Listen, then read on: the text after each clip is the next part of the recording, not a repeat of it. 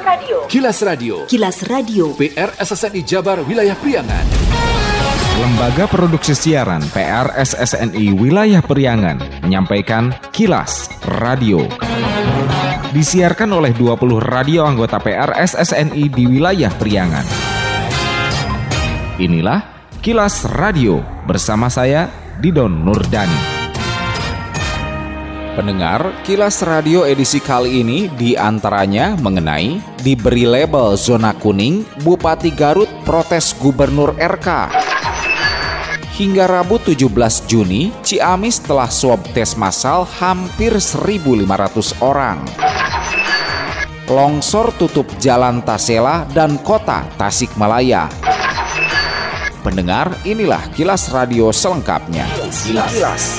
radio terkait status zona kuning COVID-19 di daerahnya, Bupati Garut Rudi Gunawan nyatakan protes atas label yang disematkan Gubernur Ridwan Kamil. Menurut Rudi, pemberian label zona kuning itu berlebihan dan menjadikan stigma negatif bagi daerah yang dipimpinnya. Padahal, kata Bupati Rudi, meski jumlah kasus positif COVID mencapai angka 25, kini yang sudah sembuh sudah 15 orang dan yang termasuk zona merah hanya satu kampung dari 421 desa di wilayah wilayahnya. Kepada reporter Kilas Radio Selamat Timur, Rudi juga ungkapkan Pemkab sebenarnya bisa saja petakan sendiri sebaran COVID-19 di daerahnya dan meyakini sebaran COVID-19 di Garut cukup terkendali. Lonjakan jumlah kasus COVID di Garut menurutnya terjadi karena selama ini tidak didorong percepatan hasil tes swab sehingga berakibat mempercepat sebaran COVID di wilayahnya. Jadi harus lihat kewilayahan. Itu hanya satu kampung di satu desa. Tidak bisa dijelaskan seperti itu. Tidak tidak efektif. Justru itu memberikan stigma negatif, negatif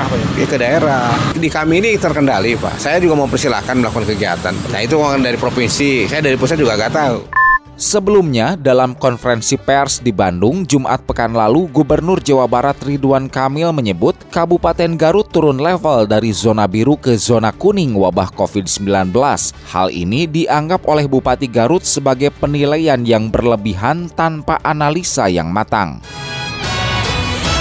Tim gugus tugas percepatan penanganan COVID-19 Kabupaten Ciamis menyatakan hingga Rabu 17 Juni telah lakukan pemeriksaan metode polymerase chain reaction PCR swab kepada hampir 1.500 orang. Menurut juru bicara tim Dr. Bayu Yudiawan, Kamis 18 Juni, PCR menyasar 1.482 orang itu dengan hasil ditemukannya 10 orang terkonfirmasi positif, seorang teridentifikasi penularannya dari luar kota, 1.100 140 orang dinyatakan negatif dan 331 orang masih menunggu hasilnya. Yudi mengatakan Pemkab Ciamis lakukan masif tes ke berbagai lokasi kerumunan dan keramaian seperti pasar, mall, toserba, juga terhadap masyarakat yang sakit dengan gejala COVID-19 itu untuk mendeteksi adanya transmisi lokal. Jadi ada dua ranah, dari orang sakit dan orang yang berkerumun. Untuk melihat adanya transmisi lokal tersebut, selain pemeriksaan dilakukan secara random, juga dilakukan kontak tracing terhadap kasus-kasus yang kita dapatkan terkonfirmasi positif. Sampai hari Rabu tanggal 17 Juni telah dilakukan pemeriksaan PCR sebanyak 1.482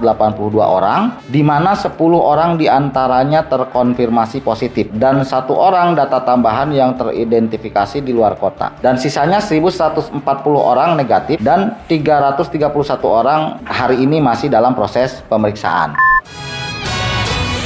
Wakil Wali Kota Tasikmalaya Muhammad Yusuf mengatakan proses kegiatan belajar mengajar langsung atau tatap muka di sekolah masih menunggu keputusan dari pemerintah pusat. Menurut Yusuf, Pemkot Tasikmalaya berprinsip bersiap diri jika harus melaksanakan tentu dengan aturan dan protokol kesehatan yang jelas. Yusuf khawatir jika saat ini sekolah dibuka padahal masih dalam kondisi pandemi COVID-19 justru anak-anak berpotensi terpapar. Karenanya, ia himbau masyarakat masyarakat agar bersabar menunggu keputusan resmi Pemkot Tasikmalaya melalui dinas terkait. Kalau nanti keputusan Kementerian Pendidikan mulai mau boleh membuka ya kita mau tidak mau dibuka. Persiapan kita lakukan. Ketika ada kebijakan dari Kementerian Pendidikan untuk dibuka, ya kita juga pasti akan buka. Tapi kan kita hati-hati lah. Kita khawatir jangan sampai ada yang anak-anak kita ketika dibuka malah terpapar.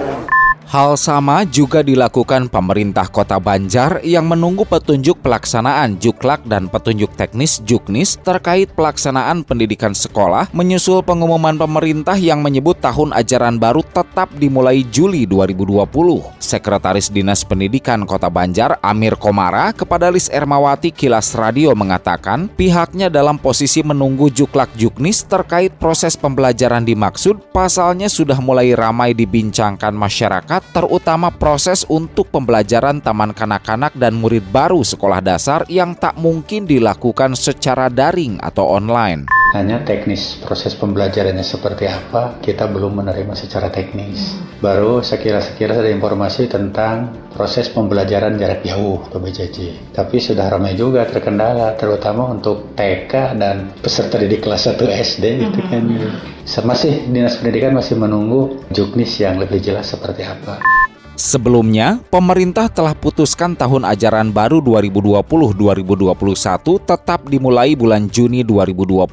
Dalam keterangan resminya Senin 15 Juni, Deputi Bidang Koordinasi Pendidikan dan Agama Kementerian Koordinator Bidang Pembangunan Manusia dan Kebudayaan Republik Indonesia Kemenko PMK Profesor Agus Sartono mengatakan, memberi rasa aman kepada masyarakat, pembukaan satuan pendidikan untuk pembelajaran tatap muka telah disusun satu satu keputusan bersama SKB Menteri Kesehatan, Menteri Pendidikan, Menteri Agama, dan Menteri Dalam Negeri yang jadi panduan bagi pelaksanaan pendidikan di seluruh Indonesia. Menurut Agus, SKB sebagai panduan penyelenggaraan pembelajaran tahun ajaran baru di masa pandemi COVID-19 bagi satuan pendidikan formal dari pendidikan tinggi hingga pendidikan usia dini. Sementara pendidikan non-formal serta beberapa non-teknis terkait pendidikan tinggi pesantren, pendidikan keagamaan, akan diatur lebih lanjut bersama Mendikbud dan Menag. SKB itu adalah wujud sinergi dari berbagai sektor pemerintahan yang jadi acuan pemerintah daerah dalam mengatur satuan pendidikan dan melaksanakan pembelajaran tatap muka berdasarkan protokol kesehatan dengan prinsip pengaturan mengutamakan kesehatan dan keselamatan bagi seluruh peserta didik. Adapun izin pembelajaran tatap muka itu harus mendapat rekomendasi dari Pemda dan gugus tugas Kanwil Kemenag masing-masing sesuai dengan kewenangannya. Sementara Menteri Pendidikan dan Kebudayaan Mendikbud Nadiem Makarim menyampaikan, banyak yang dikorbankan saat belajar dari rumah, namun Kemendikbud mengambil sikap kesehatan adalah yang paling utama. Nadiem menjelaskan, daerah dengan zona kuning, oranye, dan merah dilarang melakukan pembelajaran secara tatap muka, sedangkan yang di zona hijau pihaknya mempersilahkan pemerintah daerah melakukan pembelajaran tatap muka.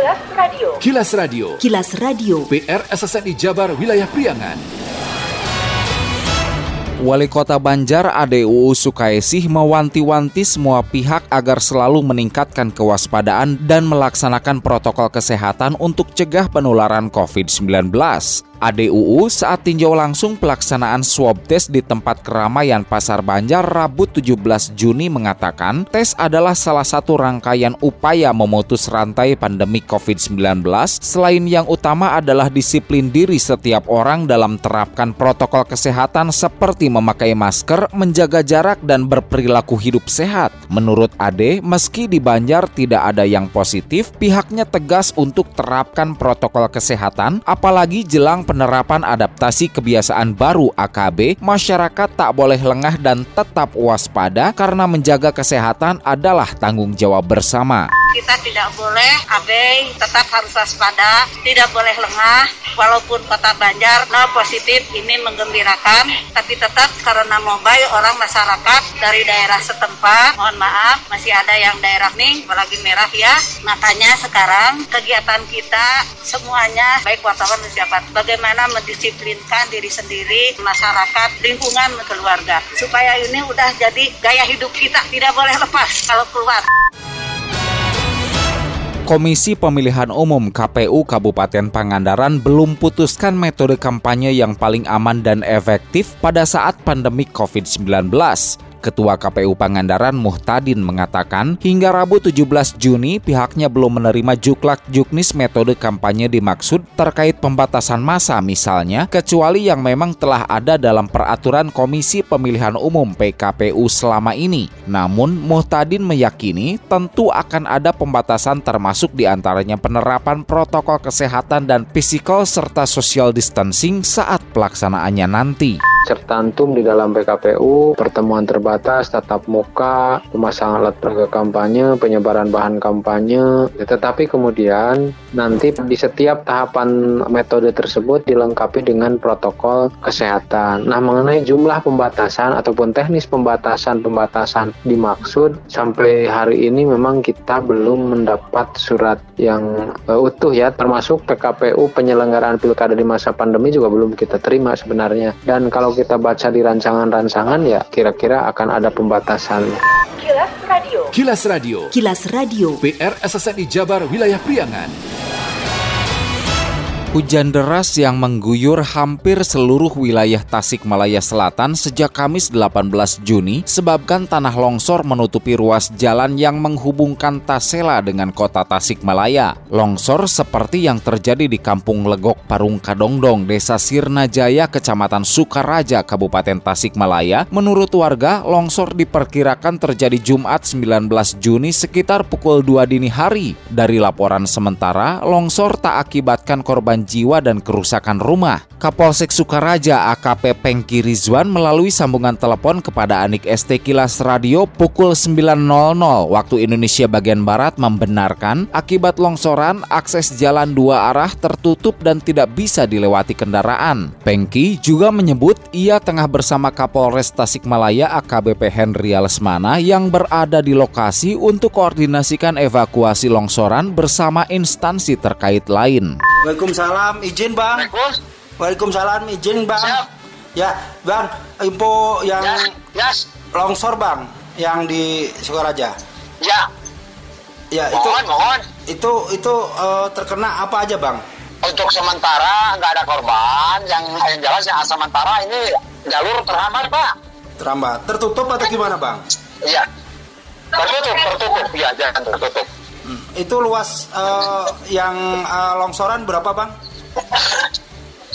Aduh, eh izin izin. Siap. Saya kan lagi dengan Kapolres hujan-hujanan. Oh Nanti siap. saya kasih kabar ya. Oke siap siap saya bang. lagi dengan Kapolres hujan-hujanan siap siap siap. Siap, siap bang siap bang.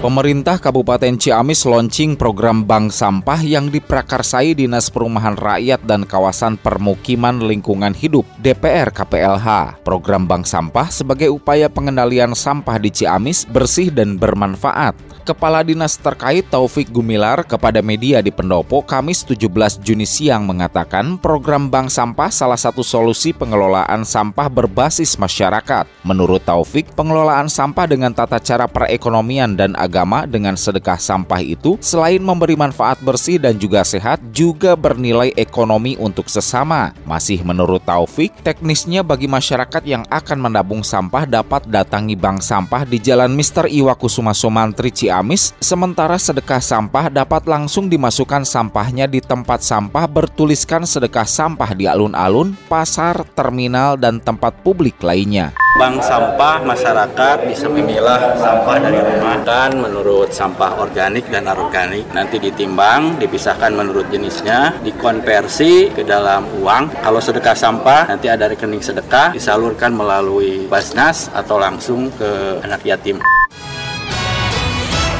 Menteri Sosial Juliari P. Batubara diagendakan kunjungan kerja ke wilayah Priangan Timur Jawa Barat Jumat 19 Juni. Sesuai agenda kegiatan yang diterima kilas radio, Mensos akan serahkan secara simbolis bantuan sosial tunai BST bagi warga terdampak COVID-19 di kantor pos Bayongbong dan Limbangan Garut. Rombongan selanjutnya menuju Ciawi, Kabupaten Tasikmalaya untuk kegiatan yang sama, termasuk ke kantor pos kota Tasikmalaya. Selain Mensos diagendakan hadir pula Menteri Perencanaan Pembangunan Nasional PPN, Badan Perencanaan Pembangunan Nasional Bapenas. Kilas Radio. Kilas Radio. Kilas Radio. PR SSNI Jabar Wilayah Priangan.